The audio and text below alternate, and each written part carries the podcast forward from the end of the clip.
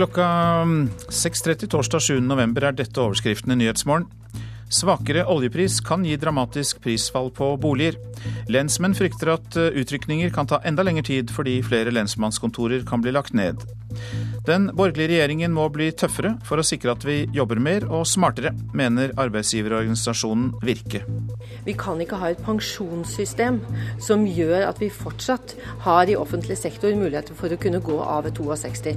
Og så må vi ha en arbeidsmiljølov som gir fleksibilitet og er lik for hele samfunnet.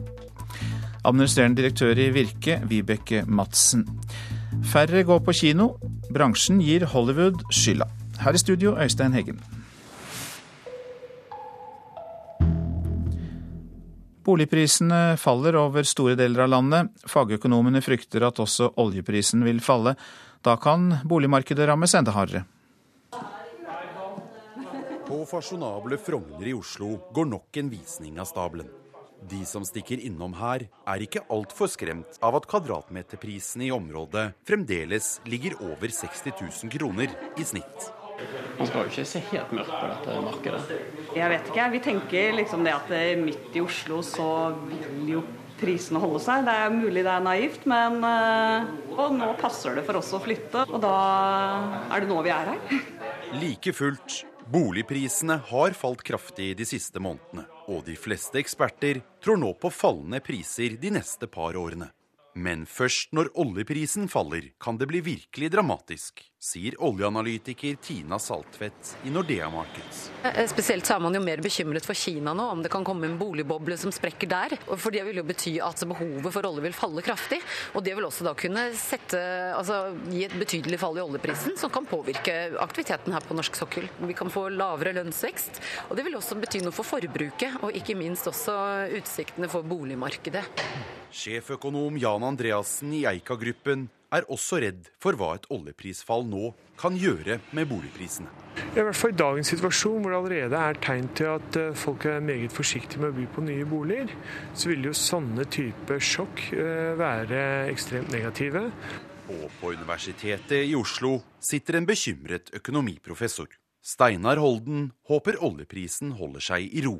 Det er oljeprisen som er den største risiko som en sånn ytre faktor. Boligprisene kan falle. 10-15 er absolutt noe som, kan, som kan skje. Og Her vil man nok også ha forventningseffekter. at eh, hvis det går dårlig i oljesektoren, så tenker man at det vil slå negativt på hele landet. Så jeg tror det kan ha betydning eh, for boligprisene alle steder. Men selvfølgelig mest betydning i de områdene som er særlig avhengig av olje. Men selv om Norge produserer stadig mindre olje, kan vi fortsatt selge oljefatene til over 100 dollar stykket.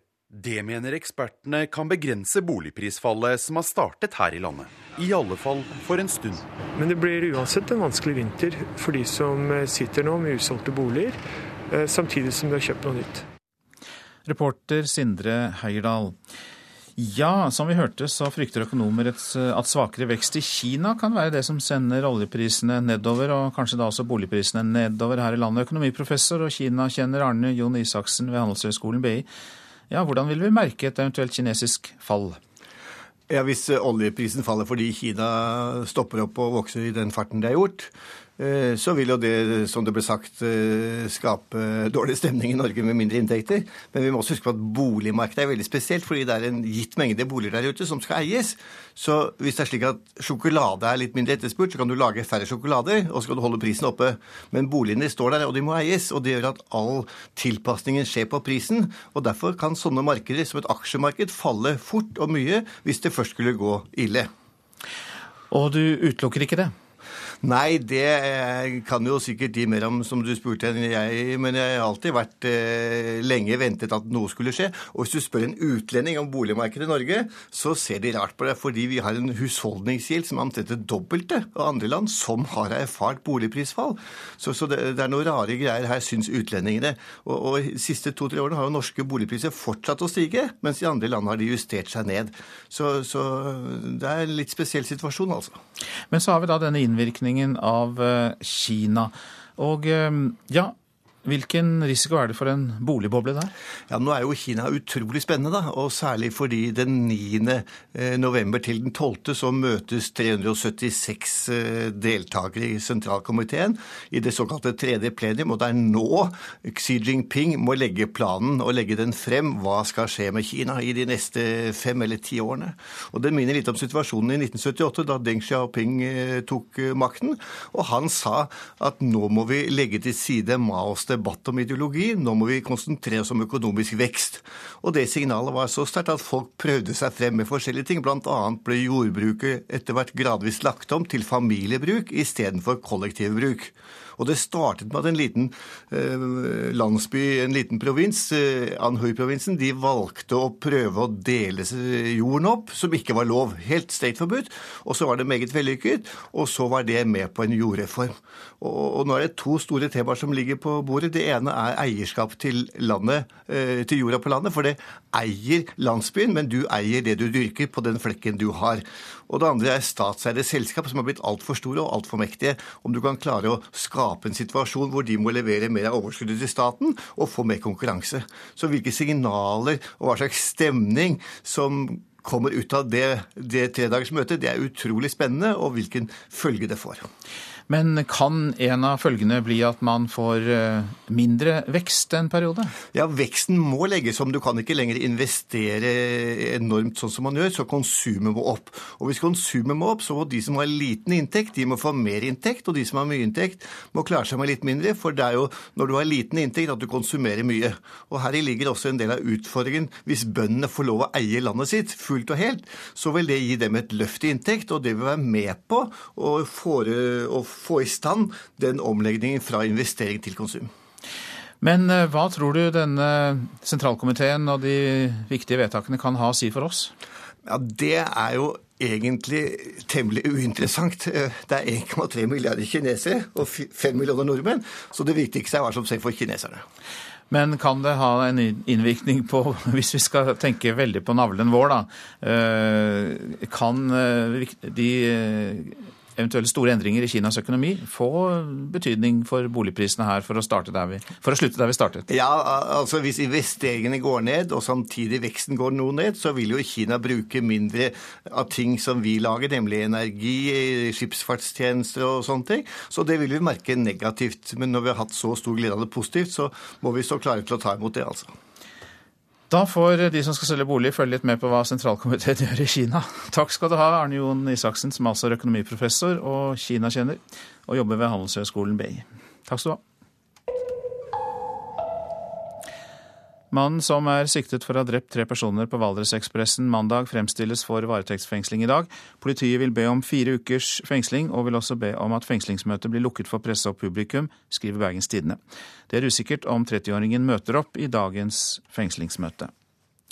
Flere lensmannskontorer kan bli lagt ned i årene som kommer. Et av kontorene som kan forsvinne, er Årdal lensmannskontor, som ligger i kommunen der trippeldrapet på Valdresekspressen skjedde. Politiet brukte over en time på å komme til åstedet. Nå frykter politifolk i distriktet enda lengre responstid enn i dag. Så her er det vi har lagra våpen. Lensmannen i Eid, Vebjørn Moa, viser fram rommet der de seks politifolka i kommunen har beredskapsutstyret og våpen forsvarlig innelåst. Dette er et av de 144 lensmannskontorene som kan forsvinne her til lands, ifølge politianalysen som kom tidligere i år. jeg tror det er veldig betryggende for folk å vite at du har politifolk i bygda. Du har nær tilgang til det du trenger hvis noe skulle skje, og at du da kan komme og bistå når behovet er det. Mandag denne veka brukte politipatruljen i Sogn 1 time og 14 minutter på å komme fram til åstedet der tre mennesker ble drepne på Valdresekspressen på vei fra Årdal. Også i Årdal kan lensmannskontoret bli nedlagt. Fylkesleder i Politiets Fellesforbund Kjetil Drange er ikke overraska over at politiet brukte så lang tid.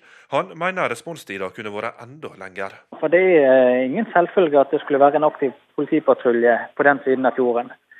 Eh, til andre tider kunne den vært eh, andre, på andre siden av fjorden. I Årdal var det til slutt den lokale lensmannen som kom først fram av politifolk til åstedet. Lensmann Magne Knutsen kom før vaktpatruljen, trass i at det gikk 19 minutter før operasjonssentralen gav han melding. Drange mener lokalt politi er viktig for beredskapen.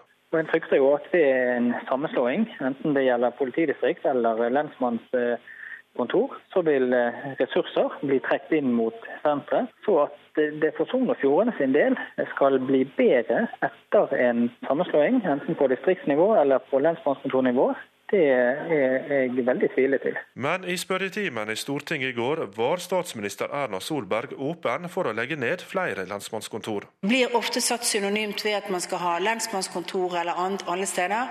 Det er ofte kontor som er åpent noen få timer på dagen og driver siviltjeneste mer enn de driver politifaglig tjeneste. Det vi trenger er faktisk den kapasiteten som er ute på hjul, og som raskt kan komme til stedet. Og det må være en prioritet gjennom, gjennom det arbeidet som skal skal skje med politianalysen. Men også politimeister i Sogn og Fjordane, Ronny Iden, er tvilende til effekten av å legge ned mange kontor. Det er klart at uh, vi vil ikke få en sånn uh, voldsom kvalitetsheving på den bare ved å snu om på mannskaper. Altså, vi har de folkene vi har, og vi har den geografien vi har. Men, men det kan godt være at vi kan få den noe bedre. Tilbake i Eid advarer lensmann Vebjørn Moa mot å tro at rullende patruljer kan erstatte de seks politifolka som i dag bor og jobber i kommunen. Bilene og de patruljene som skal være, vil ikke til enhver tid kunne være inne på disse tettstedene. Og Det vil gjøre at det kan ta lang tid for oss å kunne komme inn hvis det f.eks. er noen som har problemer. Reporter her, det var Asgeir Reksnes. Senterpartileder Liv Signe Navarsete advarer regjeringen mot å sentralisere politiet. Til Klassekampen sier Navarsete at hun mener flere lensmannskontor må få vaktberedskap, heller enn å kutte antall kontorer, slik politianalysen legger opp til. Så var det det avisene skriver om på forsidene i dag. Orkla bør flytte ut dersom de ikke tåler konkurranse. Det sier eieren av bunnpriskjeden til Dagens Næringsliv. Christian Lykke er provosert av at Orkla-sjef Åge Korsvold truer med å flytte matvareproduksjonen ut av landet dersom norsk landbrukspolitikk blir lagt om. Ambulanse og brannfolk må gjøre politiets arbeid i tillegg til å redde liv og helse, er oppslaget i Dagsavisen. De frykter at liv skal gå tapt pga. tregt politi. Situasjonen har aldri vært verre, sier Atle Skinnes i ambulansepersonellets yrkesorganisasjon. Jeg hater ikke drapsmannen, det sier Tove Kvernhaug til Dagbladet. Hun er søsteren til bussjåfør Arve Kvernhaug, som ble drept på Valdresekspressen. Hun advarer mot spredning av fremmedfrykt etter at broren ble drept. Arne Byrkjeflot har vist grovt eh, sviktende dømmekraft og en opptreden som ikke er forenlig med å være ledende tillitsvalgt i LO. Det sier LO-leder Geir Kristiansen til Adresseavisen. Striden om Byrkjeflot oppsto fordi han innledet et forhold til en nå avdød ung tillitsvalgt. Hun var hans underordnede i tre organisasjoner, LO, Nei til EU og Rødt. Byrkjeflot mener selv at, det ikke, at det, han, det ikke gjør ham uegnet, og LO i Trondheim har vedtatt full tillit til ham. Superkontantstøtten i Spydeberg på 6600 kroner helt fram til skolealder blir redusert. Rådmannen vil barbere tilbudet fordi det er for dyrt, skriver Vårt Land. Østfold-kommunen har vært nødt til å legge ned en helt ny barnehageavdeling. Folkeavstemning også om EØS, skriver Nasjonen. Nei til EU kan komme til å vedta skjerpet kamp mot EØS under landsmøtet til helgen. Leder Hemming Olaussen vil ha EØS-folkeavstemning. SV frykter Arbeiderparti-dominans i den nye tenketanken Agenda. Slike møteplasser må ikke bli dominert av bare ett parti, sier SV-nestleder Bård Vegar Solhjell. Hver billett til spillefilmen Pax ble sponset med 4228 kroner. Ingen har de siste fem årene fått mer offentlig støtte per kinobillett. Aftenposten har kartlagt norsk filmstøtte. Ylva tapte mot kreften. Dagbladet forteller at 80 000 fulgte sjuåringens siste uker på pappa Magne Hellanders Facebook-side.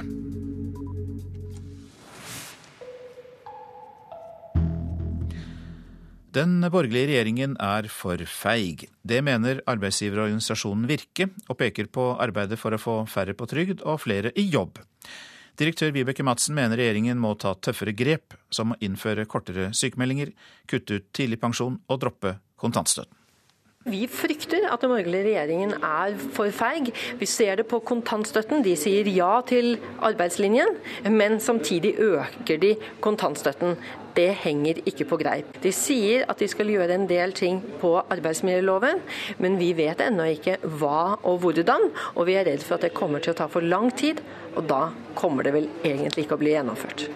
Om få tiår vil det koste mer å drifte velferdsstaten enn vi klarer å skape av verdier. Vi har ikke tøffe nok ledere, mener Virke, som er vår nest største arbeidsgiverforening. Først og fremst for handels- og servicebedrifter. Arbeidslinjen er viktig. Da kan vi ikke eh, gi folk penger eh, om å bli hjemme kontantstøtten burde vært fjernet. Vi kan ikke ha et pensjonssystem som gjør at vi fortsatt har i offentlig sektor muligheter for å kunne gå av ved 62. Folk må stå lenger i jobb. Vi kan ikke ha et todelt pensjonssystem. Ett for offentlig sektor, ett i privat sektor. Og så må vi ha en arbeidsmiljølov som gir fleksibilitet og er lik for hele samfunnet. Sier administrerende direktør Vibeke Madsen, som mener det i større grad må lønne seg å jobbe. Utspillet kom i forbindelse med virkekonferansen i går. Så langt har altså ikke den borgerlige regjeringa helt innfridd til forventningene.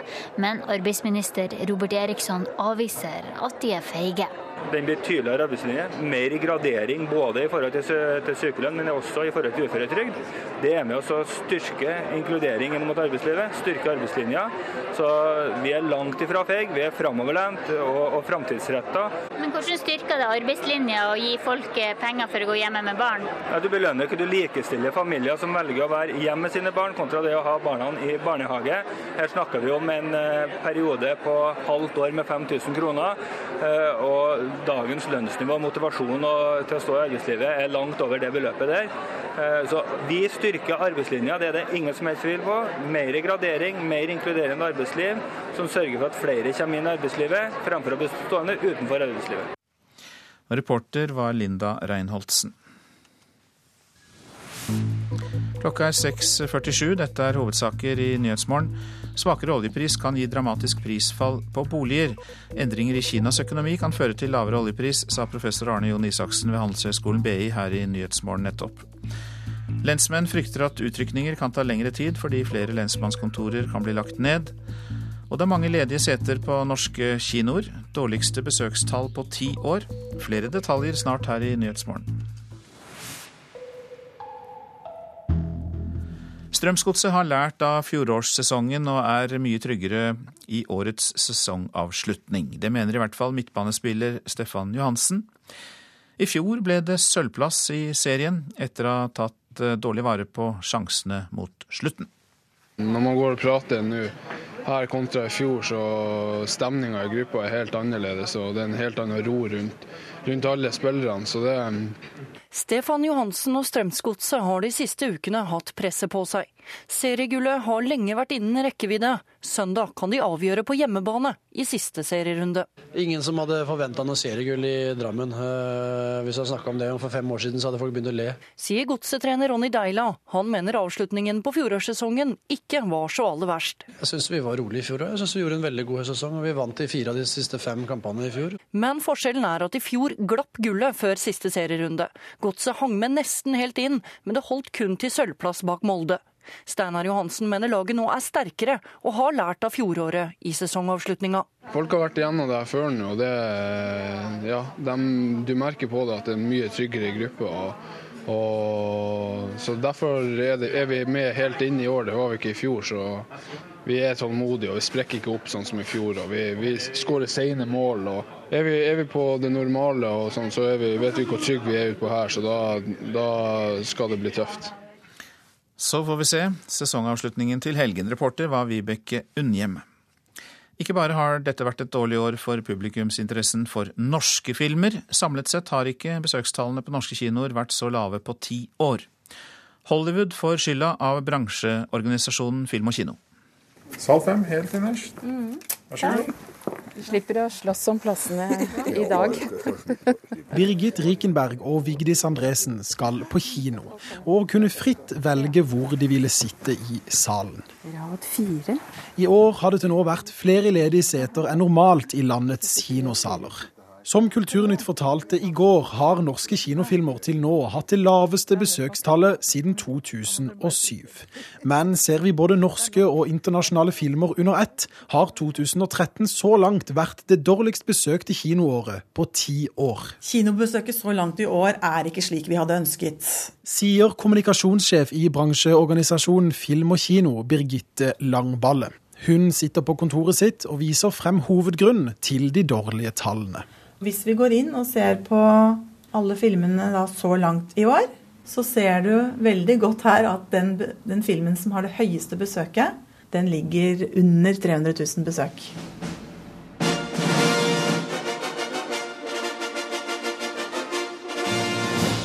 For Hollywood har ikke innfridd i 2013. Hollywood har sviktet. Sier medieprofessor Ove Solum. Og det kan man se i Europa også, at uh, disse store filmene fra Hollywood de har uteblitt. Solum understreker at kinotallene de siste 20 årene jevnt over har holdt seg stabile.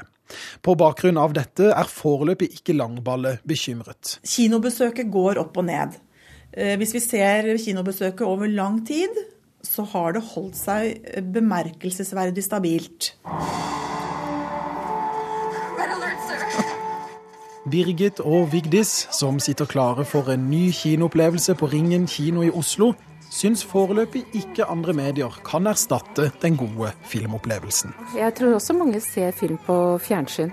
Eh, de har kjøpt eh, ganske store skjermer etter hvert. Eh, men for meg blir det ikke det samme. Det kan ikke erstatte kino og kinosalen. Denne reportasjen var laget av Christian Ingebretsen. Mange kulturminner kan gå tapt fordi kirkegårder mangler bevaringsplan. Det mener rådgiver for gravplassaker i Den norske kirke, Åse Skrøvseth. Av de 2000 kirkegårdene i Norge er det trolig færre enn 10% som har en slik plan. Det er uten tvil den absolutt eldste. Leder for Gjøvdal sokneråd, Elinor Oland, viser oss en liten stein som er det eldste gravminnet ved den gamle middelalderkirkegården i Gjøvdal kirke i Åmli. Og vi får være veldig glad for at den har berga seg gjennom skiftende tider. For på den så er det kors, et gresskors der og et der oppe, og så er det et bumerke mellom. Hun har lagt ned utallige dugnadstimer i fotografering, registrering og systematisering av gravminner for å hjelpe å lage ferdig en bevaringsplan for kirkegården. Der er ei jernplate som jeg tror ikke det er så mange av i nasjonal sammenheng. Dette for å bevare kulturhistorien i bygda. Jeg tror at bygd ville blitt veldig fattig hvis ikke du hadde den historia og var bevisst på den. For det som skjer er at når noen, en generasjon faller fra, så er det ikke alltid at kunnskapen går videre til neste. Men har du noen synlige minner og sånn, så har du en mulighet. Ja, jeg ser det. Det er jo en mulighet for det. Vi vil heller det, tror jeg. Ja. Si Ei som roser arbeidet med å få lagd en bevaringsplan, det er rådgiver i gravplassaker ved Den norske kirke, Åse Skrøvseth. De gravplassene våre er viktige kulturminner, og de forteller mye om stedet. Både personalhistorie, og det kan være flott både materialbruk og lokalt håndverk. Og det det er store verdier som ligger her, da. Ja.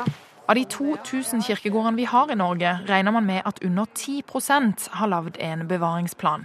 Det er altfor få, mener Skrøvseth. Altså I verste fall, hvis de ikke er bevisste, så vil man jo på en måte miste viktige kulturminner. da. Fordi at ting, gravminner Når festeavtaler opphører, så skal jo gravminnene normalt fjernes fra kirkegården. Og hvis de blir fjerna og, og knust, da, så har man jo på en måte mista det for evig og alltid. Ja, Så jernkorsa står godt. De var det òg meninga skulle få lov å stå. Mange er avhengige av ildsjeler som Elinor Oland for å få på plass en bevaringsplan.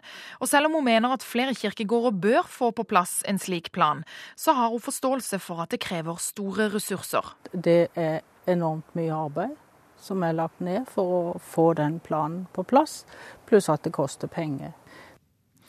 Reporter her, det var Mairi McDonald. Bygging og restaurering av Nidarosdomen, det er statens oppgave. Men hvem skal betale når orgelet må repareres? 53 millioner kroner koster det å pusse opp kirkeorgelet til grunnlovsjubileet. Men nei, regjeringen kvier seg for å betale. Jeg regner med at de nå får øynene opp for hvor viktig nasjonalhelligdommen er, og så forventer jeg at de tar ansvaret for økonomien fremover i kirka. For det har ikke vært godt nok? Nei, det syns jeg ikke. Inne i Nidarosdomen, bak fasaden, jobbes det på spreng. Til grunnlovsjubileet neste år skal det hele stå klart. Et fullt restaurert Steinmeier-orgel fra 1930-tallet med nesten 10 000 piper. Og det koster, sier kirkeverget i Trondheim, Kjell Inge Nordgård. Ja, vi har en kostnadsramme på den totale pakken her nå. Det inkluderer både en restaurering og nyoppstilling av orgelet. Og Totalrammen er da satt til 53 millioner kroner.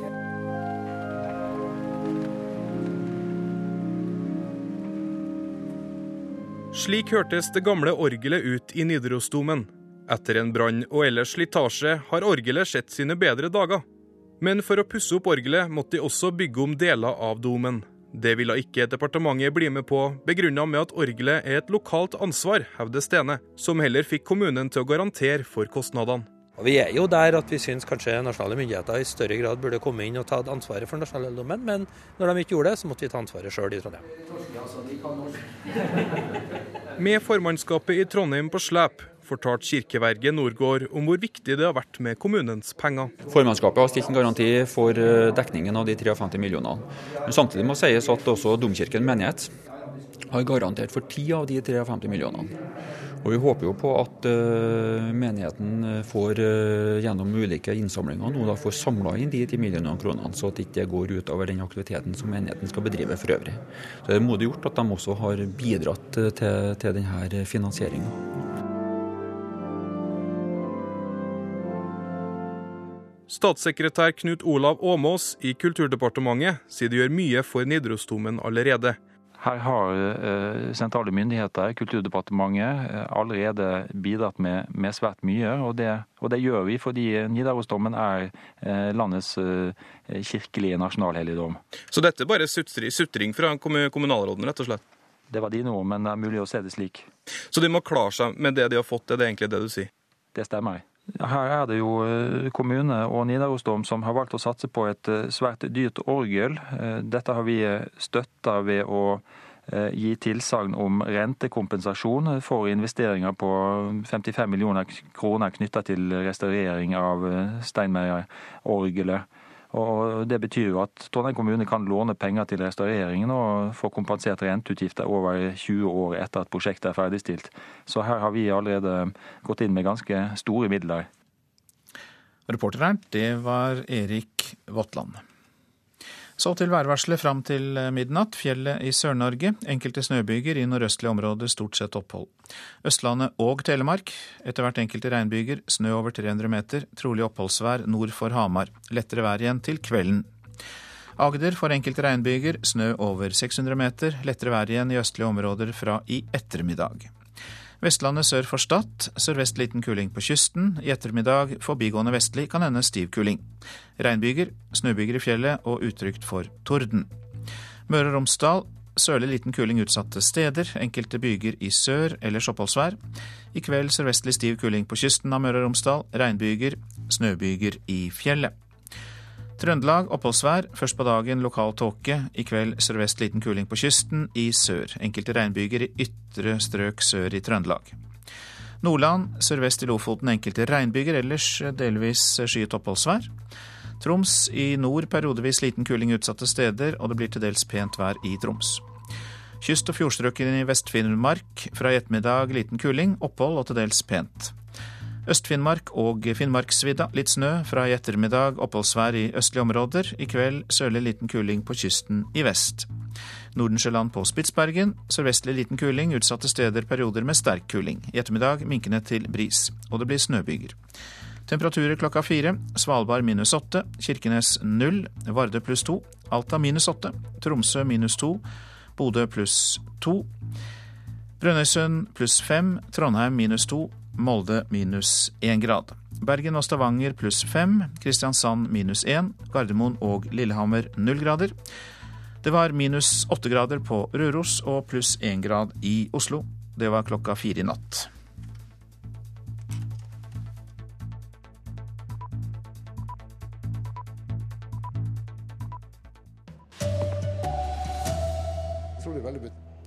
Lensmenn frykter enda lengre utrykningstid dersom lensmannskontor blir lagt ned. Og lavere oljepris kan få boligen din til å stupe i verdi. Her er NRK Dagsnytt klokka sju. Politiet i distriktene frykter enda lengre responstid enn i dag, fordi flere lensmannskontor står i fare for å bli lagt ned. Ifølge Politianalysen, som kom tidligere i år, er Årdal lensmannskontor ett av 144 lensmannskontor som kan forsvinne. Lensmannen i Eid, Vebjørn Moa, tror en nedleggelse vil gjøre folk i bygda mer utrygge. Jeg tror det er veldig betryggende for folk å vite at du har politifolk i bygda. Mandag denne veka brukte politipatruljen i Sogn 1 time og 14 minutter på å komme fram til åstedet der tre mennesker ble drepne på Valdresekspressen på vei fra Årdal. Også i Årdal kan lensmannskontoret bli nedlagt.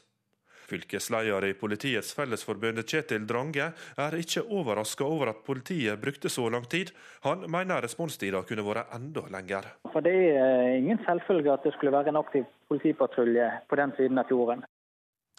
Reporter Asgeir Reksnes. Jens Stoltenberg er mer populær enn Erna Solberg i, ny i en ny statsministermåling Norstat har gjort for NRK. Tre uker etter regjeringsskiftet mener 44,7% av de spurte at Stoltenberg er mest skikket til å være statsminister i Norge. Erna Solberg får en oppslutning på 40% mens 15,4% sier de ikke vet. Boligprisene faller over store deler av landet. Fagøkonomene frykter nå at også oljeprisen vil falle, og da kan boligmarkedet rammes hardt, sier oljeanalytiker Tina Saltvedt i Nordea Markets. Vi kan få lavere lønnsvekst, og det vil også bety noe for forbruket, og ikke minst også utsiktene for boligmarkedet. Sjeføkonom Jan Andreassen i Eika-gruppen er også redd for hva et oljeprisfall nå kan gjøre med boligprisene. I hvert fall i dagens situasjon, hvor det allerede er tegn til at eh, folk er meget forsiktige med å by på nye boliger, så vil jo sånne type sjokk eh, være ekstremt negative. Og på Universitetet i Oslo sitter en bekymret økonomiprofessor. Steinar Holden håper oljeprisen holder seg i ro. Det er oljeprisene som er den største risikoen som en sånn ytre faktor. Boligprisene kan falle. 10-15 er absolutt noe som kan, som kan skje. Reporter Sindre Heierdal. Drapsdømte Joshua French må på nytt stille til avhør hos kongolesisk politi, som hevder å ha nye opplysninger i saken om Kjostolv Molands død. Det skriver Dagbladet. NRK Dagsnytt, Arild Svalbjørg.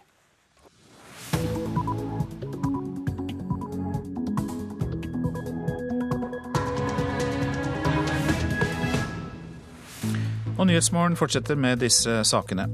Apotekene varsler ikke ofte nok om leger som skriver ut for mye medisiner, mener kontrollmyndighetene. Jeg vet ikke om det er en privatisering og den økte konkurranse mellom apotekene som gjør at vi har fått mindre meldinger, men vi, vi hadde nok mer eh, meldinger fra apotekene tidligere. Fylkeslege i Hedmark Trond Lutnes. Vi henter også inn kommentarer til det vi hørte i Dagsnytt, at Jens Stoltenberg er mer populær enn Erna Solberg i en ny meningsmåling. Det trengs mer penger for at asylmottakene skal bli sikre nok, mener de ansattes fagforening. Og utenriksminister Børge Brende skal møte sin amerikanske kollega John Kerry.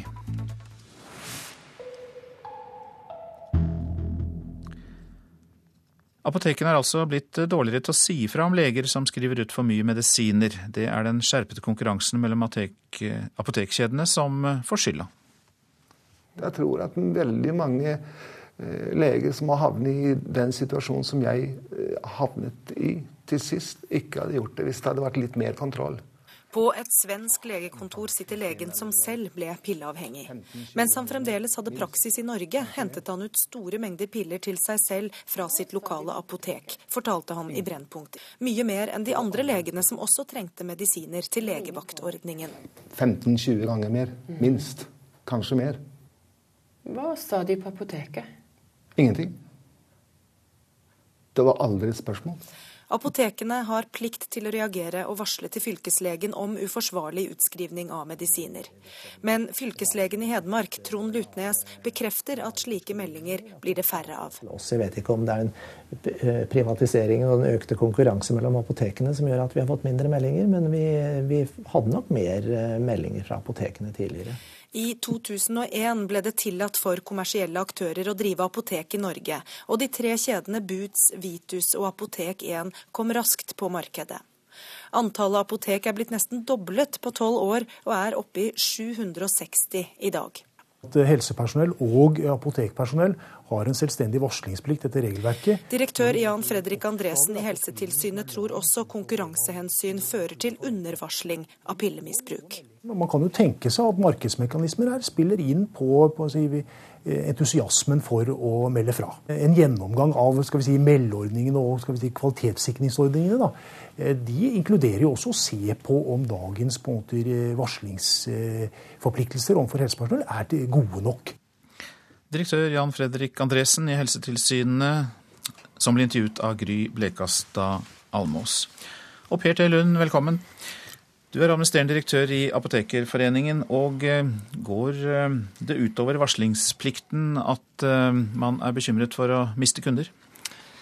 Vi starter med å si at eh, reportasjen i Brennpunkt var tankevekkende for alle oss som jobber med legemidler, og det var en eh, nyttig påminnelse om de varslingsrutinene som fins. Eh, vi kan alle bli bedre.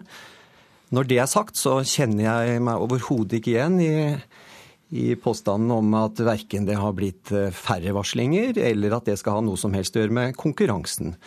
Det kan være andre faktorer som gjør at det kan være vanskelig å, varsle for de som jobber i apotek, men konkurranse har det nok ikke noe å gjøre med.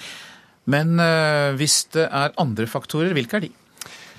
En utfordring vi har på apotekene, er at det enkelte apotek ikke har tilgang til informasjon om hva pasienten har fått på andre apotek. Altså, Datasystemene gjør ikke dette mulig av personvernhensyn. Det har blitt flere apotek, som det ble sagt i reportasjen, og det gjør jo altså at eh, til dels pasientene har flere apotek de kan gå rundt til.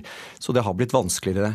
Det er nok også en utfordring eh, at det ikke er mulig for apotek å varsle anonymt. Eh, mange apotek melder tilbake til oss at de opplever telefoner fra både lege og pasienter som av apoteket er blitt varslet inn.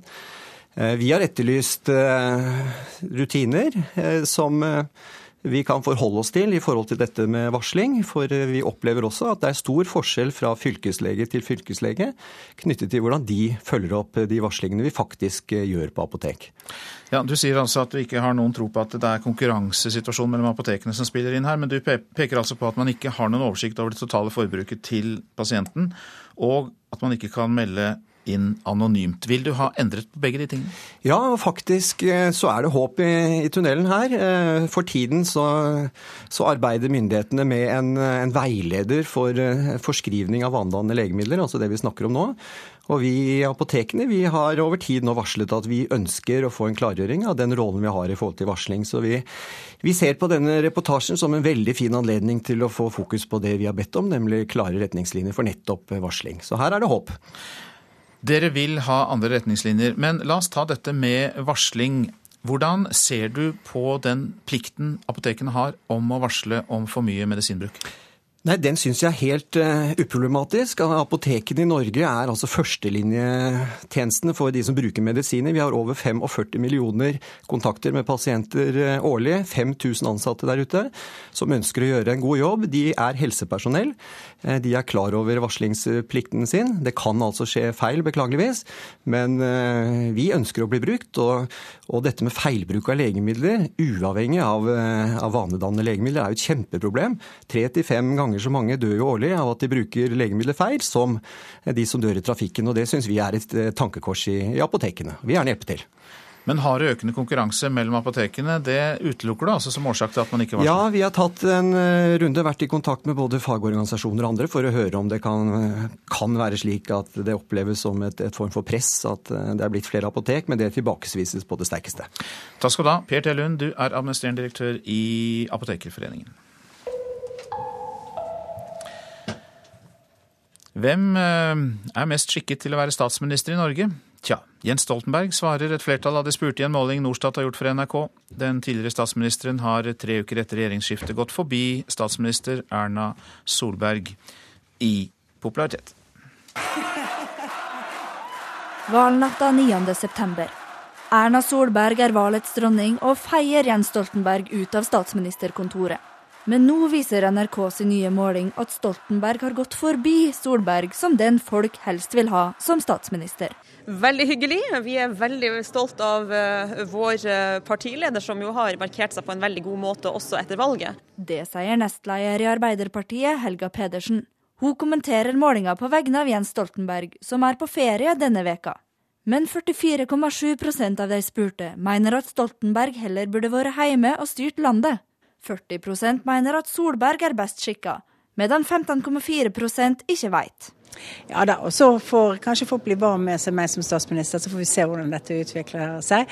Det vil alltid være mer belastende å være statsminister, samtidig som det vil kanskje bygge bildet av eh, at man ser at man kan fylle rollen. Jeg tar det med veldig senkete skuldre at det blir litt fordelinger. Dette er så små utslag at det har ikke stor betydning. Det sier statsminister Erna Solberg. Helga Pedersen tror derimot at Solberg vil få det tøft framover. Jeg tror hun vil få en veldig krevende eh, tid foran seg når hun skal forklare hvorfor eh, det ene valgløftet etter det andre brytes, også på områder der Høyre og Fremskrittspartiet har vært eh, enige. Og han som står høyest i kurs på denne målinga, har tidligere gjort det klart at han gjerne kommer att. Altså, hvis de da ikke greier det, så er jo jeg her. Uh, og, uh, Men Erna Solberg er ikke bekymra for at Stoltenberg skal ta henne att før neste valg. Nei, det, det, tror jeg først og fremst i så fall vil dreie seg om uh, hvordan partiene utvikler seg på meningsmålingene. Det er klart Jeg hadde lenge god støtte som statsminister fra det faktum at jeg ønsket en firepartiregjering. Da ble det en topartiregjering. Men så håper jeg at jeg oppleves som statsminister for alle de som har stemt for en borgerlig regjering. Reportere Ellen Wiseth og Ellen Sporstøl. Ja, Magnus Takvam, da har vi fått noen målinger å snakke om igjen. Eh, det viser seg da at Jens er mer populær enn Erna, for å bruke fornavn. Eh, hvorfor? Jeg tror nok det at Erna Solberg kanskje mm, i valgkampmodus eh, dro en del ekstra stemmer da de mobiliserte rett før valgseieren. Eh, nå er utslagene ikke så kjempestore, og det var faktisk en del popularitetsmålinger også rett før valget som viste at Jens Stoltenberg var eh, litt mer populær såkalt enn eh, Erna Solberg. Men så viser vel dette at Arbeiderpartiet har et veldig sterkt kort i Jens Stoltenberg, og at valgnederlaget ikke kom pga. hans dårlige jobb, men pga. åtte års regjeringsslitasje. Så det bekrefter jo disse tallene. Så hva sier så denne målingen om regjeringspartiene og støttepartienes popularitet? Stort sett så bekrefter denne målingen det de eh, andre som har kommet etter valget har gjort, nemlig at det er fremdeles en, en soleklar ledelse for de fire borgerlige partiene. Eh, det er en viss, eh, hvis vi skal gå inn i detaljene, framgang for Arbeiderpartiet og Høyre og for Høyre og FrPs del da litt på bekostning av Frp. Så, men utslagene er såpass små at det er, det er litt for tidlig å liksom eh, bruke de store ord om dette. Jeg tror velgerne er litt avventende nå i, og, og venter litt på hva den nye regjeringen kommer med etter hvert i budsjetter osv. Så, denne nedgangen fra 17 til 15,3% vi ser her for eh, Frp, den, eh, den er ikke stor nok til at det skal overtolkes, mener du? Nei, men man vil jo følge med på Fremskrittspartiet helt spesielt, fordi eh, det er i eh, regjering for første gang, og vi har sett et, eh, skal vi si, taktskifte i retorikken fra Frp, helt naturlig, når partiet nå har blitt et posisjonsparti, ikke lenger er et uh, parti aggressiv opposisjon, men må venne seg til å forsvare ting og være uh, et ansvarlig parti. Det er klart at det ser folk, at uh, FrPs talspersoner snakker annerledes nå enn for noen måneder siden. Er det noen spesielle saker du vil trekke fram som kan være, ja, ha bidratt til litt slitasje på regjeringen? Nei, nå er jo da slitasjen ikke så veldig stor, men det er klart at i dette vakuumet før de kommer med egne saker, så har mediene og opposisjonen greid å skape dagsorden. Vi har hatt Listhaug-saken f.eks. Vi har hatt saken om reservasjonsrett for, for fastleger i forhold til aborthenvisning osv. Det er saker som, som, ikke uten videre er, er enkle for regjeringspartiene. Eh, så jeg tror nok regjeringspartiene er avhengig av etter hvert å komme med sine ting og, og prege dagsorden mer. Men så har vi jo det spesielle også da, at det blir en, en spennende eh, prosess med Stortinget også etter hvert. Så det er ikke nok å komme med sitt budsjett, de må også få flertall for det i Stortinget. Så eh, det blir mange etapper underveis her. Nok å snakke om, mm. bl.a. med deg. Magnus Takvam, takk skal du ha. Du er politisk kommentator her i NRK. Ja, dette er P2s Nyhetsmorgen. Klokka passerte nettopp kvart over sju. Ja, vi hørte altså at Jens Stoltenberg er mer populær enn Erna Solberg i en ny meningsmåling. Apotekene varsler i færre tilfeller enn før om leger som skriver ut for mye medisiner. Svakere oljepris kan gi dramatisk prisfall på boliger, og lensmenn frykter at utrykninger kan ta enda lengre tid fordi flere lensmannskontorer kan bli lagt ned.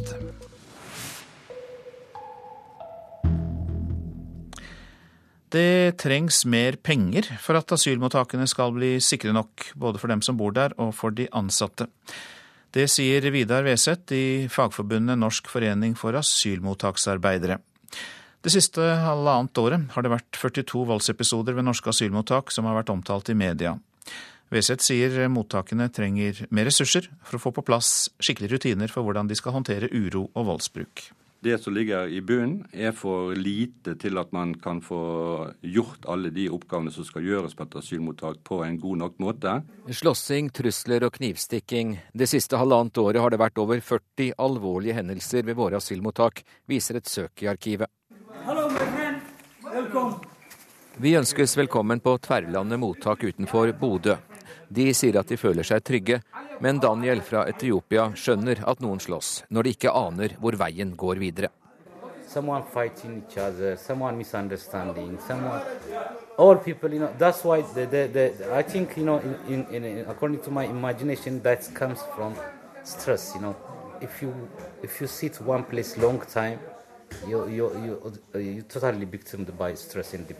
for tre år siden gjennomførte Arbeidstilsynet en omfattende kontroll av norske asylmottak. Altså Det dypdykket som Arbeidstilsynet gjorde, konkluderte jo da med at ca. halvparten av mottakene det gjaldt, hadde en holdning til HMS-arbeid som var til fare for de ansattes eh, liv og sikkerhet. Eh, så når det kom på banen, så starta nok eh, mange driftsoperatører et arbeid for å få i gang prosesser for å øke bevisstheten om viktigheten av HMS-arbeidet. Veseth tror altså at mye har kommet på plass de tre siste årene, men HMS-arbeidet det ligger litt brakk enkelte steder frem til noe skjer. Men når noe skjer, så har man altså ressursene til å gjøre den brannslukkingen som trengs i etterkant. Vi skulle jo ønske at de pengene ble lagt på bordet i utgangspunktet eh, som et forebyggende arbeid, for at vi skal slippe å måtte gjøre all brannslukkingen når ting skjer. Utlendingsdirektoratet synes ikke det er mye bråk ved våre asylmottak. UDI har riktignok ingen statistikk over bråk og uro, men direktør for region- og mottaksavdelingen, Kristine Wilberg, mener hun likevel har god nok oversikt over situasjonen. Vi har da eh, rapporteringsrutiner og har eh, oppfølgingsrutiner, sånn at vi vet jo eh, i hovedtrekk hva som skjer.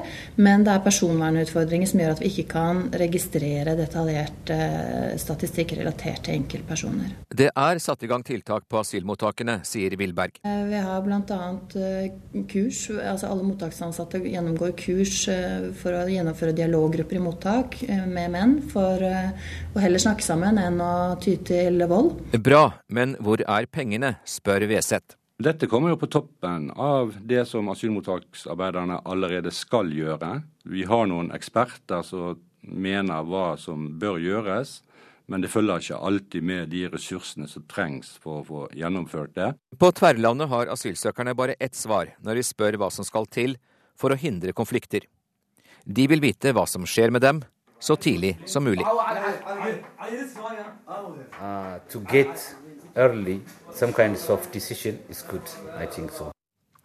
Reportere her var Hans Jørgen Solli og Silje Sande. Eli Størseth, du er med oss fra Stavanger, og du er fungerende personal- og organisasjonsdirektør i Hero, som er landets største driftsoperatør for asylmottak. Og hva har dere gjort for å få gode rutiner for sikkerhet? Eh, vi har over lengre tid bygd opp et eh, system for HMS-arbeid eh, som er i tråd med arbeidsmiljøloven og internkontrollforskrifter. Og Det innebærer bl.a. at vi årlig gjør risikovurdering av handlingsplaner både sentralt og lokalt på våre mottak. Og vi har en egen instruks for trusler, vold og hærverk og kriseberedskapsplaner, i tillegg til et system for avviksregistrering av uønska hendelser. Hvilke erfaringer har dere høstet etter å ha gjort det? Eh, vi ser at eh, vi har en god oversikt over uønska hendelser i, vår, i, våre mottak. Eh, I tillegg til at vi har en systematisk oppfølging og en tiltaksplan i hvert enkelt tilfelle. Men er du enig med de ansattes fagforening som presser på her for å få mer ressurser for at man skal være trygg på sikkerheten? Vi er enig i at ansatte i asylmottak har mange arbeidsoppgaver og det er krevende. Men på generell basis så, så, mener vi også at sikkerheten i mottak er forsvarlig. Men det er klart at med økte ressurser så vil vi også kunne jobbe bedre og mer forebyggende. Vi hørte i innslaget at uh, det ble sagt at holdningene til HMS-arbeid er dårlige i mange asylmottak. Hva er din kommentar til det? Eh, vi har stort fokus eh, på det i mange ulike fora hos oss. Eh, og har eh, bl.a. lokale verneombud. Eh, vi har bedriftshelsetjeneste. Som sagt, vi har utarbeida en rekke rutiner og oppfølgingsplaner i forhold til å sikre et godt og forsvarlig arbeidsmiljø og gode HMS-rutiner. Noe av det viktigste er jo da selvfølgelig de som jobber der. Og hva får de ansatte av dere når det gjelder forberedelser, kurs og slike ting for å kunne takle og håndtere trusler og vold og konflikter? Eh, vi har veldig stort fokus på opplæring av ansatte, både internt, men også i regi av andre aktører, sånn som UDI med det kurstilbudet som de har satt i gang på, i, flere omganger. Men har dere godt nok system for å få rapporter om uh, uønskede hendelser? For det er vel et uh, Ja, kanskje er det et skjult isfjell her? At det er mer uro enn det man får vite om? Vi mener vi har et godt system eh, på det. Hos oss så har vi et elektronisk system for avviksrapportering. Det betyr at dersom ansatte står i en situasjon eller får høre om en situasjon som er alvorlig, eh, det kan være trusler, vold, hærverk eh, eller andre typer uønska hendelser. Så rapporteres det direkte inn i et avvikssystem. Og lederen på hver enkelt enhet får da en melding om det umiddelbart, og må da iverksette tiltak i samarbeid med ansatte. Takk skal du ha, Eli Størseth, som altså er fungerende personal- og organisasjonsdirektør i Hero, en landets største driftsoperatør for eh, asylmottak. Så til det avisene skriver om i dag. Orkla bør flytte ut dersom de ikke tåler konkurranse, sier eieren av bunnpriskjeden til Dagens Næringsliv. Christian Lykke er provosert av at Orkla-sjef Åge Korsvold truer med å flytte matvareproduksjonen ut av landet dersom norsk landbrukspolitikk blir lagt om. Ambulanse og brannfolk må gjøre politiets arbeid i tillegg til å redde liv og helse, er oppslaget i Dagsavisen. De frykter at liv skal gå tapt pga. tregt politi.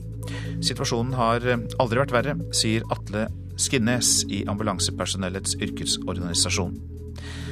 Jeg hater ikke drapsmannen, sier Tove Kvernhaug til Dagbladet. Hun er søsteren til bussjåfør Arve Kvernhaug, som ble drept på Valdresekspressen. Hun advarer, advarer mot spredning av fremmedfrykt etter at broren ble drept. Arne Byrkjeflot har vist grovt sviktende dømmekraft og opptreden som ikke er forenlig med å være ledende tillitsvalgt i LO. Det sier leder Gerd Kristiansen til Adresseavisen. Striden om Byrkjeflot oppsto fordi han innledet et forhold til en nå avdød og ung tillitsvalgt. Men eh, i LO har eh, LO lokalt i Trondheim har vedtatt full tillit til Byrkjeflot. Superkontaktstøtten i Spydeberg på 6600 kroner helt fram til skolealder blir redusert.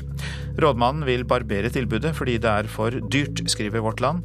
Østfold kommunen har vært nødt til å legge ned en helt ny barnehageavdeling. Folkeavstemning også om EØS, skriver Nasjonen.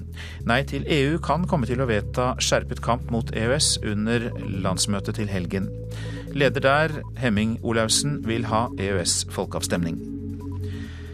SV frykter Arbeiderpartidominans i den nye tenketanken Agenda. Slike møteplasser må ikke bli dominert av bare ett parti, sier SV-nestleder Bård Vegar Solhjell. Hver billett til spillefilmen Pax ble sponset med 4228 kroner. Ingen har de siste fem årene fått, seg, fått mer offentlig støtte per kinobillett enn den filmen. Aftenposten har kartlagt norsk filmstøtte. Ylva tapte mot kreften. Dagbladet forteller at 80 000 fulgte sjuåringens siste uker på pappa Magne Hellanders Facebook-side.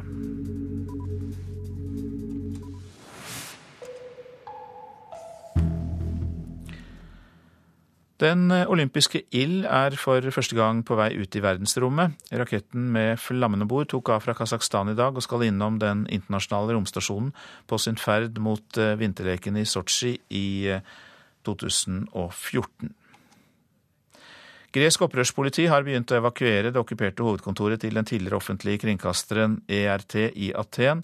Flere personer skal være arrestert.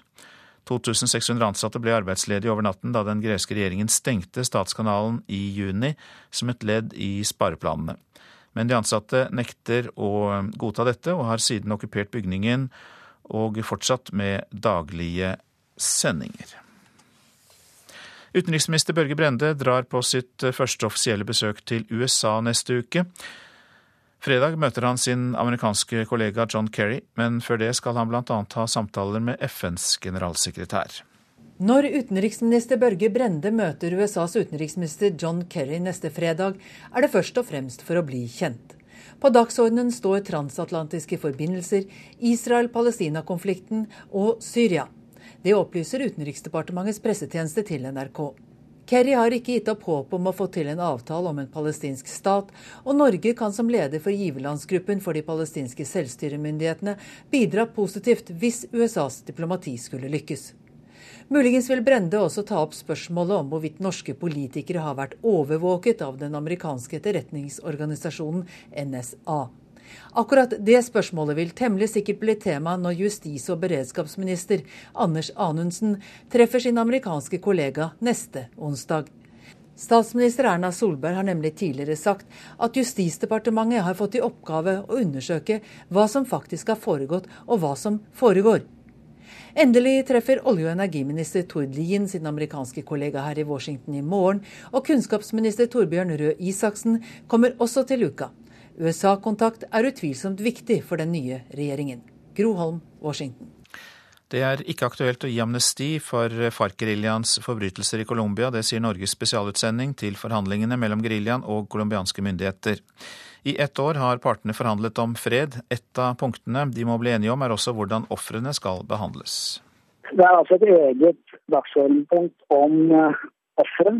Det blir et viktig punkt.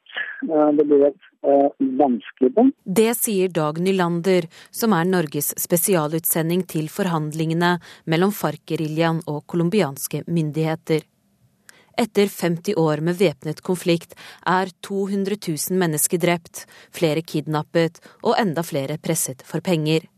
Men selv om man nå begynner å nærme seg en fredsavtale, er det uaktuelt at noen går fri for forbrytelsene. Offrene står i sentrum for, uh, uh, for disse forhandlingene. Og eh, straffrihet for de mest alvorlige forbrytelser, det kommer ikke på tale. I ett år har partene forhandlet. I mai ble det kjent at de er enige om fordeling av vann- og jordbruksområder, og i går kom gjennombruddet hvor FARC får lov til å delta i politikken.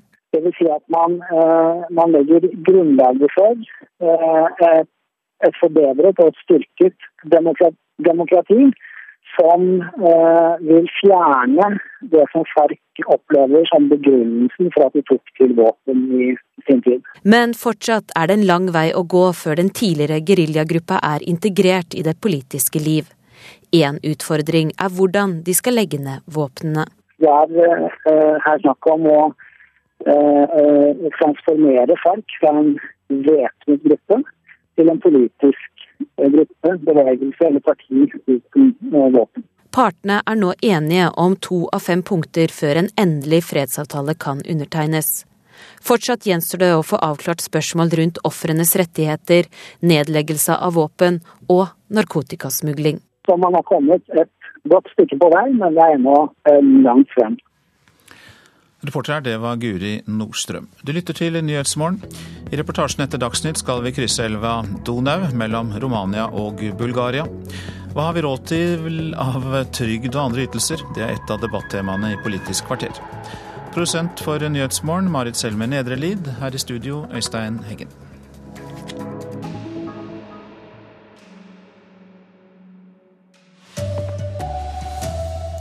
Apotekene varsler sjeldnere om mistanke om pillemisbruk. Asylmottakene er ikke trygge nok, mener dem som jobber der. Og tre uker etter valget har mange tusen nordmenn skiftet mening. Nå er Jens Stoltenberg mest populær på statsministermålingen.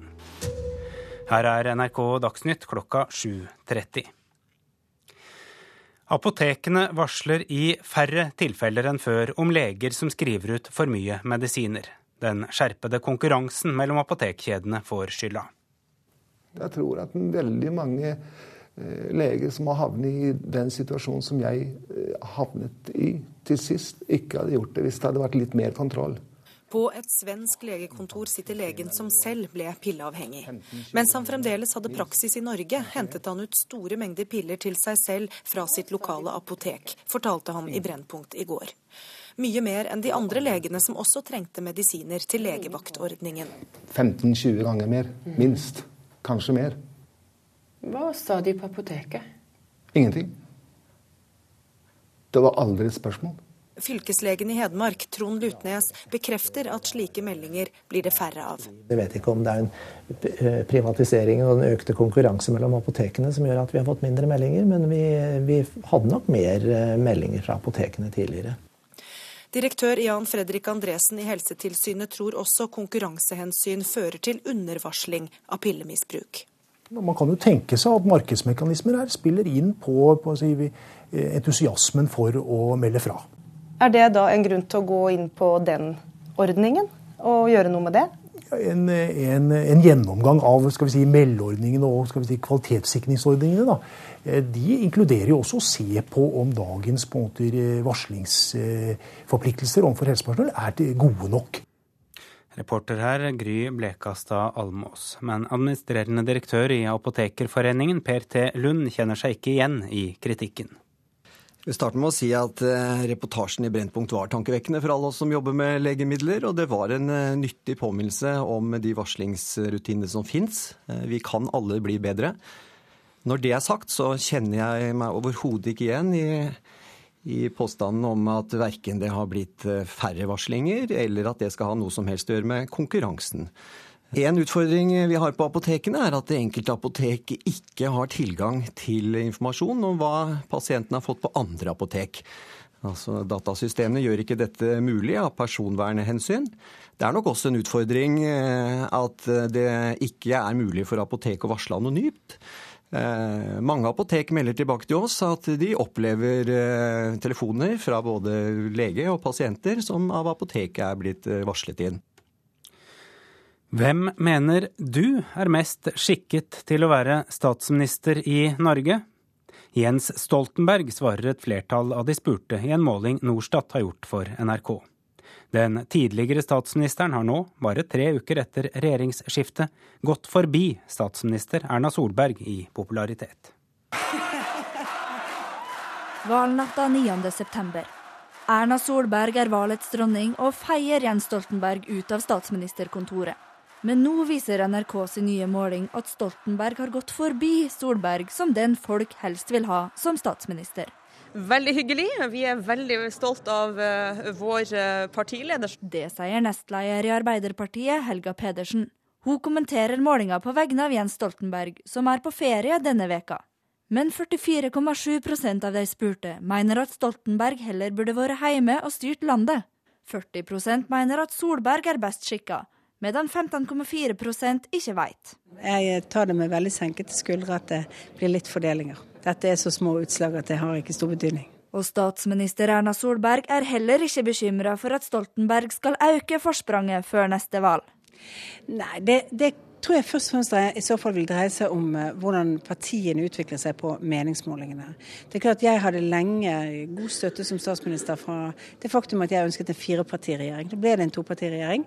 Eh, men så håper håper jeg at jeg oppleves som statsminister for alle de som har stemt for en borgerlig regjering. Men han som står høyest i kurs på denne målinga, har gjort det klart at han gjerne kommer att. Altså, hvis de da ikke greier det, så er jo jeg her.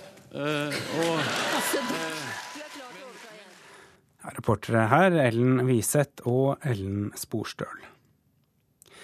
Det trengs mer penger for at asylmottakene skal bli sikre nok, både for dem som bor der og for de ansatte. Det sier Vidar Weseth i Fagforbundet Norsk forening for asylmottaksarbeidere. Det siste halvannet året har det vært 42 voldsepisoder ved norske asylmottak som er omtalt i media. Weseth sier mottakene trenger mer ressurser for å håndtere uro og voldsbruk det som ligger i bunnen, er for lite til at man kan få gjort alle de oppgavene som skal gjøres på et asylmottak på en god nok måte. Slåssing, trusler og knivstikking. Det siste halvannet året har det vært over 40 alvorlige hendelser ved våre asylmottak, viser et søk i arkivet. Hallo, Vi ønskes velkommen på Tverlandet mottak utenfor Bodø. De som bor her, sier at de føler seg trygge, men Daniel fra Etiopia skjønner at noen slåss når de ikke aner hvor veien går videre. All people, you know, that's why the, the, the, I think, you know, in, in, in, according to my imagination, that comes from stress, you know. For tre år siden gjennomførte Arbeidstilsynet en omfattende kontroll av norske asylmottak. Ca. halvparten av mottakene det gjaldt, hadde en holdning til HMS-arbeid som var til fare for de ansattes eh, liv og sikkerhet. Eh, vi har bl.a. Eh, kurs, altså alle mottaksansatte gjennomgår kurs for å gjennomføre dialoggrupper i mottak med menn, for å heller snakke sammen enn å ty til vold. Det sier direktør for region- og mottaksavdelingen i UDI, Kristine Wilberg. Hun mener at mottakene er blitt flinkere til å håndtere konflikter. Men på Tverrlandet i Bodø har asylsøkerne bare ett svar når vi spør hva som skal til for å hindre konflikter. De vil vite hva som skjer med dem så tidlig som mulig. Uh,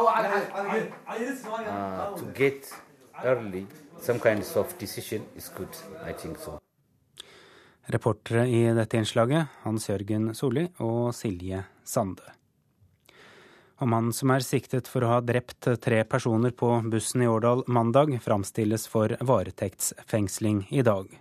Politiet vil be om fire ukers varetekt, og også be om at fengslingsmøtet blir lukket for presse og publikum, skriver Bergens Tidende. Det er usikkert om 30-åringen møter opp i dagens fengslingsmøte.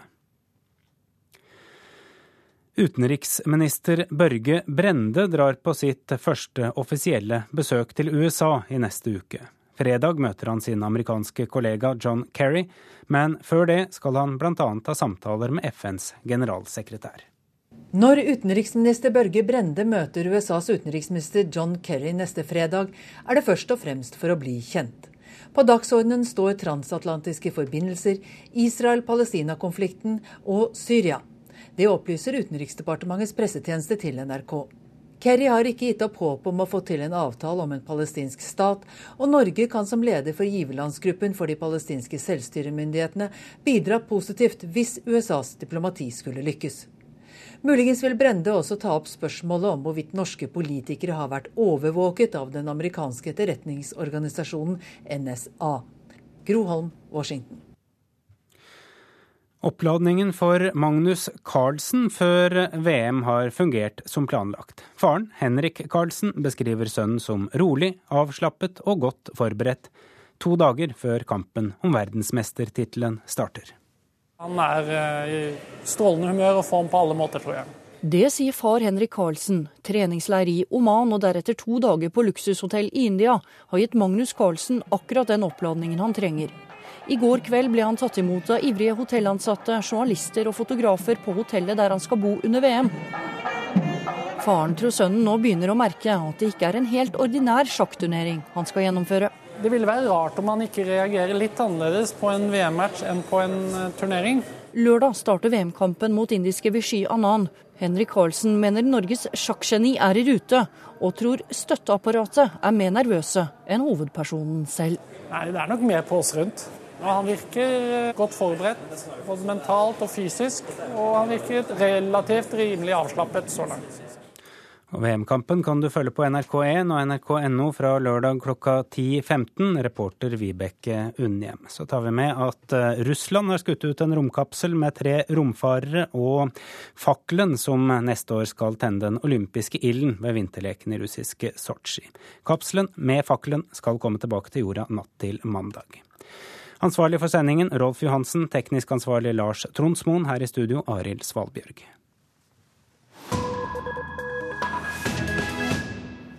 Her i Nyhetsmorgen om den nye brua over Donau mellom Bulgaria og Romania. Den skulle åpne områdene i øst for investeringer, men er blitt lite brukt. Roger Severin Bruland har laget denne reportasjen.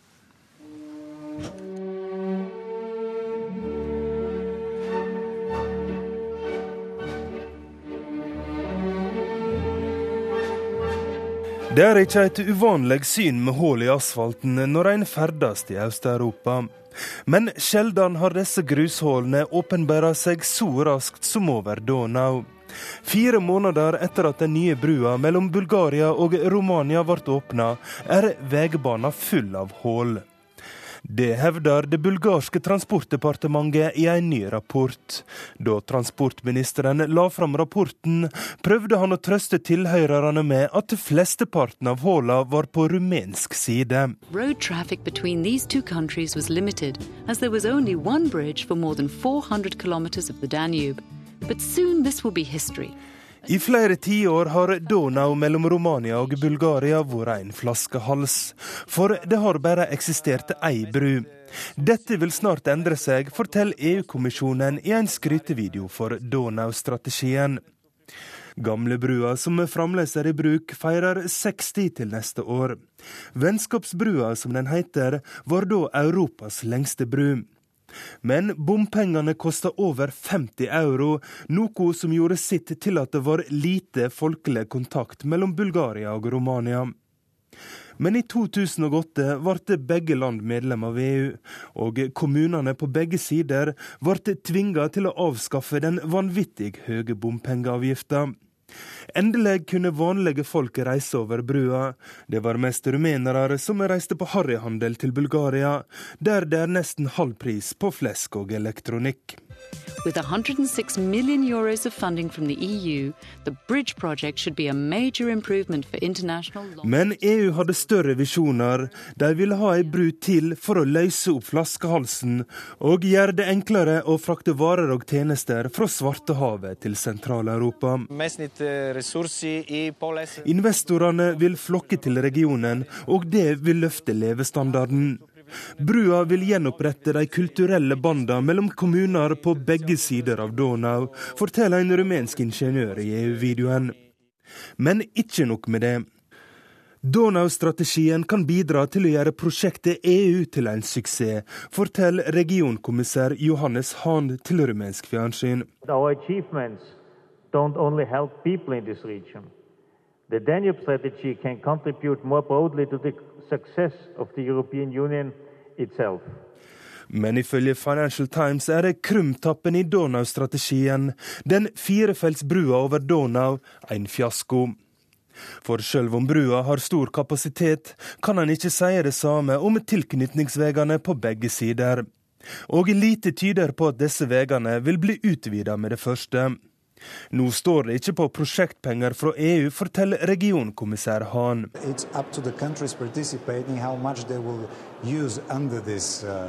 Uh, For EU har bevilga 100 milliarder euro til Donau-strategien. Men EU krever at mottakerlandene medfinansierer prosjektene. Og det er det som er problemet.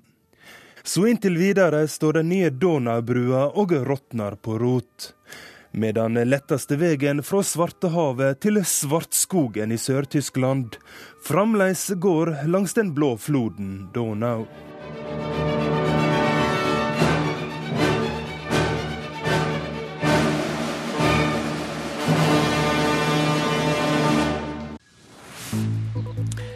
Dette er eh, Nyhetsmorgen.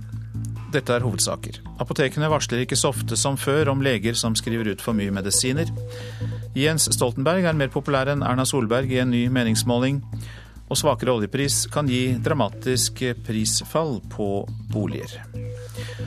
Og så har programleder for Politisk kvarter, Bjørn Myklebust, gått inn i studio, og han har med seg en bok. Trygdebeistet finnes ikke, står det i den. Fortellingen om et Norge som sitter fast i trygdefella, er en bløff fra høyresiden. Venstresida møter Venstre, som mener boka må være skrevet med lukkede øyne.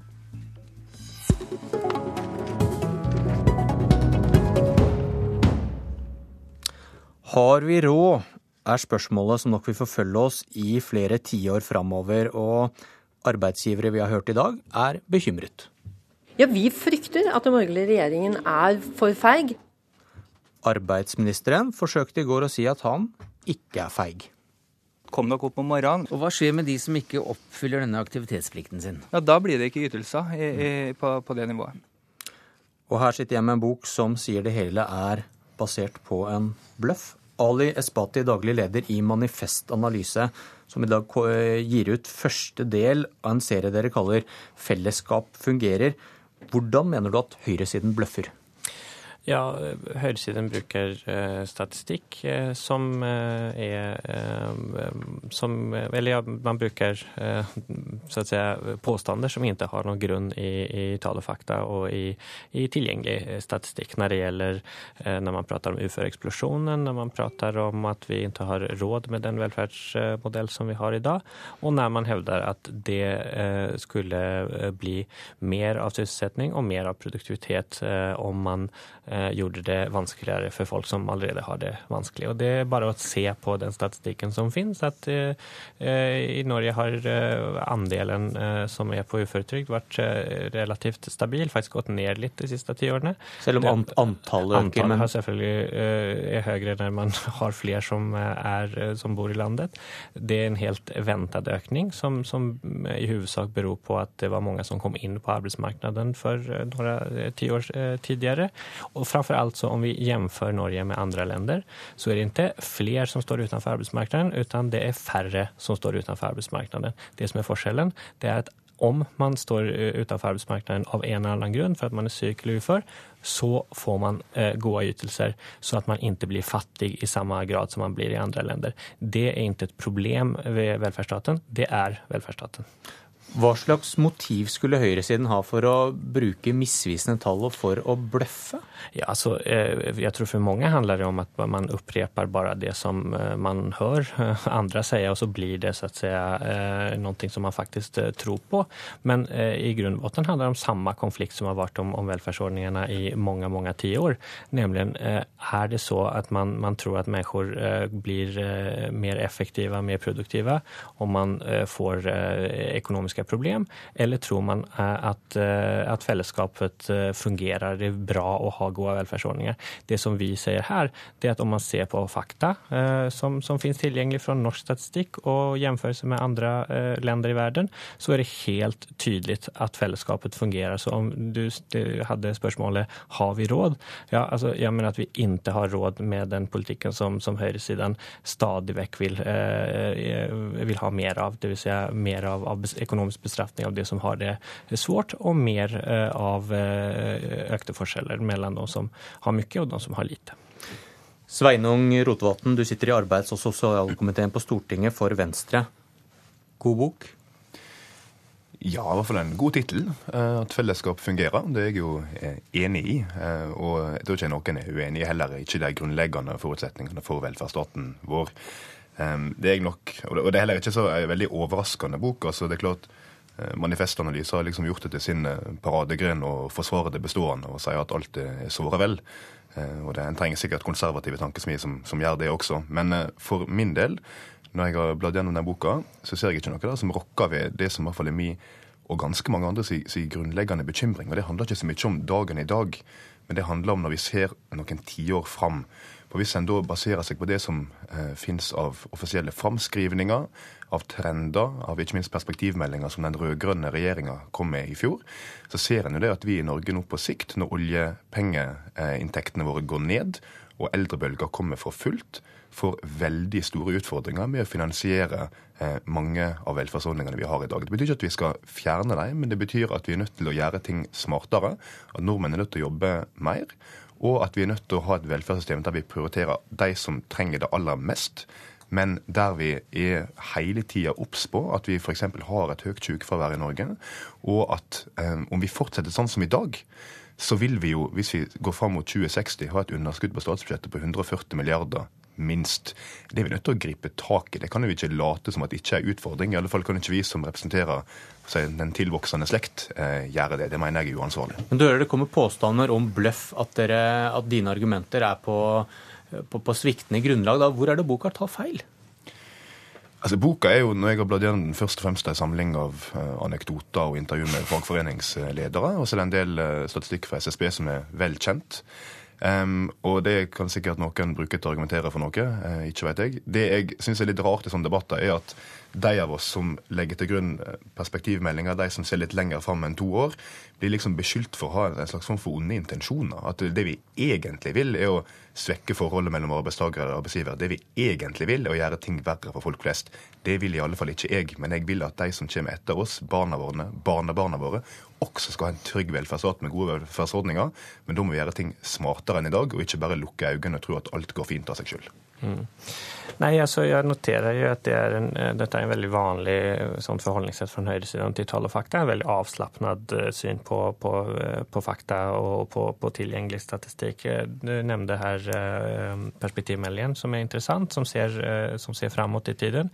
Der ser man at man legger opp til en veldig kraftig vekst av, av privat forbruk. Og så ser man at om vi ikke øker finansieringen, altså endrer fordelingen mellom privat og, offentlig konsum, eh, kan man se fra det, det tallmaterialet. Så blir det problem eh, med det, det offentlige konsumet. Det er helt selvklart, og det har vi også skrevet om i rapporter, så at det må man endre på, så at vi kan anvende mer av den veksende eh, formuen og de, de veksende innkomstene til eh, det som er viktig, nemlig eh, den felles velferden. Og så sier du at vi må gjøre det mer smart, og det er presis det som er poenget her. At alt tyder på at de løsninger som, som, som høyresiden kommer med, er ikke smarte om man ønsker et mer produktivt næringsliv. Om man ønsker flere i sysselsetting, ikke færre, så må man ha gode velferdsordninger. Og når du sier at vi skal satse på de som eh, har det aller vanskeligst, så er det en tydelig tilbakegang til en eh, idé som har funnits før den universelle velferdsstaten som vi har i dag. Dvs. Si at man skal gjøre skille på de verdige og de uverdige trengende. Og det er precis en, en reaksjonær tilbakegang til en tid som var dårlig, som, eh, vi har, eh, som mange har kjempet for å levne, og som har tjent Norge veldig, veldig godt. Hva var de onde hensiktene? Det du eh, omtaler der, er jo noe helt annet enn det jeg snakker om. Det jeg snakker om, er at når vi faktisk har eh, 80 000 fattige barn i Norge, og det er blitt flere av dem, så syns jeg det er et poeng at vi kanskje kan gjøre noe med Eh, barnehagesatser, med mm. barnetrygd. Eh, slik at en kan gi mer til de som trenger det aller mest, og få ned fattigdommen. Ikke sørge for at den fortsetter å øke. Men da mener jo jeg at da må kanskje noen av oss, de av oss som faktisk har veldig god råd, eh, betale litt mer. Og jeg ser ikke at det skal være noe verken usolidarisk eller gå tilbake i tid. Det er ganske framtidsrettet. Og så er jo løsninga di, som du forklarer på en litt sånn lur måte, det er jo å øke skattene ganske dramatisk. For du snakker om at vi skal ta inn litt av det private konsumet som kommer framover, og ha til fellesskapet.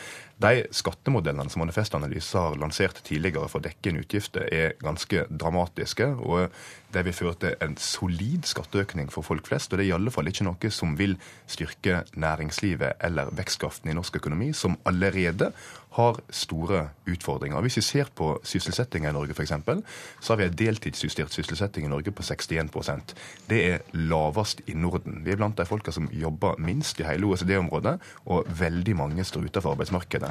Løsninga på det er jo ikke å øke skattene gjøre det mindre lønnsomt å mm. jobbe. Løsninga på det er jo å ha et smartere skattesystem som gjør at det lønner seg å skape arbeidsplasser, og at det lønner seg for hver enkelt å jobbe litt mer, og jobbe mer i fulle stillinger. Da kan vi finansiere velferdsstaten i framtida. Vi det ikke ved å gjøre det motsatte. Ja, igjen da, altså, eh, det, om, man, om man ser til jevnført f.eks. rike og fattige land i Europa så er det så at i rikere länder som i Norge så jobber man eh, kortere per person men man har i stedet en mye høyere sysselsetting i Norge enn man har i nesten alle andre länder i eh, den vestlige verden. Når du sier at vi skal bekjempe fattigdommen, så skal vi komme ihåg at det kommer fra en person som, som støtter en, en regjeringsplattform der man sier at man eksempelvis skal se på barnetillegget til, for, för UFÖ-pensionärer. Det är det som precis eh, är väldigt precis sätt att öka fattigdomen på. Men generellt sett så kan vi säga att universella system där man inte eh, har individbaserade prövning av, av vem som behöver det utan man säger att du har rätt till exempelvis sykelön när du är syk, du har rätt till UFÖ-pension om om du är UFÖ. De ger samfunn som har både lavere fattigdom, høyere produktivitet og høyere sysselsetting. Og det er fakta som du behøver forholde deg til, og det gjelder også resten av høyresiden. Det som er fakta som du må forholde deg til, er at vi i fjor var 4,5 nordmann i arbeidsfør alder per pensjonist. I 2060 vil vi være 2,5 nordmann per pensjonist. Da må vi gjøre endringer for å sørge for en bærekraftig velferdsstat, og da nytter det ikke å late som at alt er så Og det blir samme fordeling som på 70-tallet, men vi har mye høyere produktivitet. Espati, kort til slutt, i morgen kommer budsjettet, det borg, første borgerlige budsjettet. Det kommer vel ikke noe store kutt der i sykelønn, i trygder? Forventer du det? Eh, er, er, det et skremmebilde du drar opp? Nei, ikke alls. Derfor at det vi ser fra hele Europa, er at om man forbereder eh, befolkningen på en, en eh, forståelse av verden som er misvisende, så blir det også mye lettere å gjennomføre en politikk som, eh, som er dårlig, og som eh, er, går rakt i motsetning til det som har gjort Norge rikt og framgangsrikt hittil. Det var det med fremtiden. Vi får se.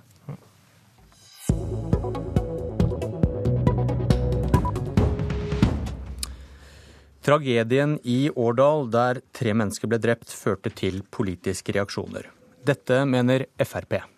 Det er jo ikke tvil om hva slags regjering vi har hatt de åtte siste årene. Og den saken som skjedde i går, mener jeg sannsynligvis kunne vært unngått hvis man hadde kjørt en tøffere asyl- og innvandringspolitikk. Og dette mener Frp. Det å trekke den typen linjer tror jeg er vanskelig. Det er hendt, det som er hendt. Vi må sørge for at det er mindre sannsynlig at det kan skje igjen. Den første er stortingsrepresentant, den andre justisminister. Og da er det kanskje ikke så rart at de høres litt forskjellige ut. Men viser det at Frp har fått en ny utfordring i fanget, politisk kommentator Magnus Takvam? Det er klart, Disse kuttene illustrerer det som har skjedd i og med dette valget. At Frp har gått fra å ha vært et systemkritisk parti til å bli et posisjonsparti. Og det er det disse uttalelsene reflekterer. Det høres enkelt og tilforlatelig ut, men i hvilken grad utgjør det et, et problem? Det, gjør, det, kan utgjøre et veldig stort problem. Enkelte i eh, Frp som har eh, analysert partiet tidligere, har pekt på at kanskje det som har vært FrPs styrke, nemlig denne appellen til veldig mange velgergrupper i regjeringsposisjon når de får makt, nettopp kan bli partiets svakhet, fordi de, blitt, de blir nødt til å velge én eh, linje. Og jeg tror utfordringen for Frp som posisjonsparti først og fremst er den delen av velgerkorpset deres som har sett på Frp som et protestparti. Det er velgere som er kritiske til politikere i sin alminnelighet, til eliten osv. De bare ljuger, de leverer ikke. Den delen av FrPs velgerkorps er potensielt risikabel å miste for, for Frp i sin nye drakt, så å si. Og så ser vi kanskje et Arbeiderparti som har lyst til å hjelpe til å lage bråk. Ja, fra dag én etter nederlaget i, i valget så har man hamret på skal vi si, løftebruddanalysen fra Arbeiderpartiets side. Bompenger, egenandel for boliglån, eh, egenkapitalkravet Altså, de lister opp hele tiden ting som er lovet og ikke holdt. Så det er opplagt at opposisjonen her kjører på en strategi om nettopp å, å stemple parti, partiet som et parti som ikke leverer. Nå vil noen kanskje si at det finnes mer interessante ting enn oktobermålinger i et valgår, men Frp ser da ut til å taper litt terreng hos velgerne i flere målinger, og tendensen også da i vår måling, selv om dette er, lite og innenfor feilmarginer. Men hvordan tror du generelt at oppslutningen på meningsmålingen vil påvirke det du, du snakket om i stad? Ja, altså, Punkt én så viser målingene veldig stor grad av stabilitet innenfor feilmarginene. Det er et soleklart forsprang fremdeles for, for, på nivå med valgresultatet for, for, de borgerlige. Men det er klart, potensielt etter hvert, dersom ytre faktor, økonomi osv. gjør det krevende for regjeringen å styre, de er i en mindretallsposisjon, krevende forhandlinger i Stortinget. Hvis målingene går f.eks. i FrPs ikke deres vei, så vil uroen kan uroen i den fløyen av partiet som er mest eh, misfornøyd, skape problemer. Vi har sett tendenser. Det er kamp om nestlederverv til etter Per Sandberg osv. Det vil bli spennende å følge fremover. Til slutt, er det, er det, er det Høyre eller sofaen som blir FrPs største konkurrent? Det kan bli begge deler. En del velgere ser nå ut til å sige over til Høyre, men dette, denne, dette protestsegmentet står jo i fare for å forsvinne til sofaen for FrPs del. Takk skal du ha, politisk kommentator i NRK Magnus Takvam. Jeg heter Bjørn Myklebust, og det var Politisk kvarter.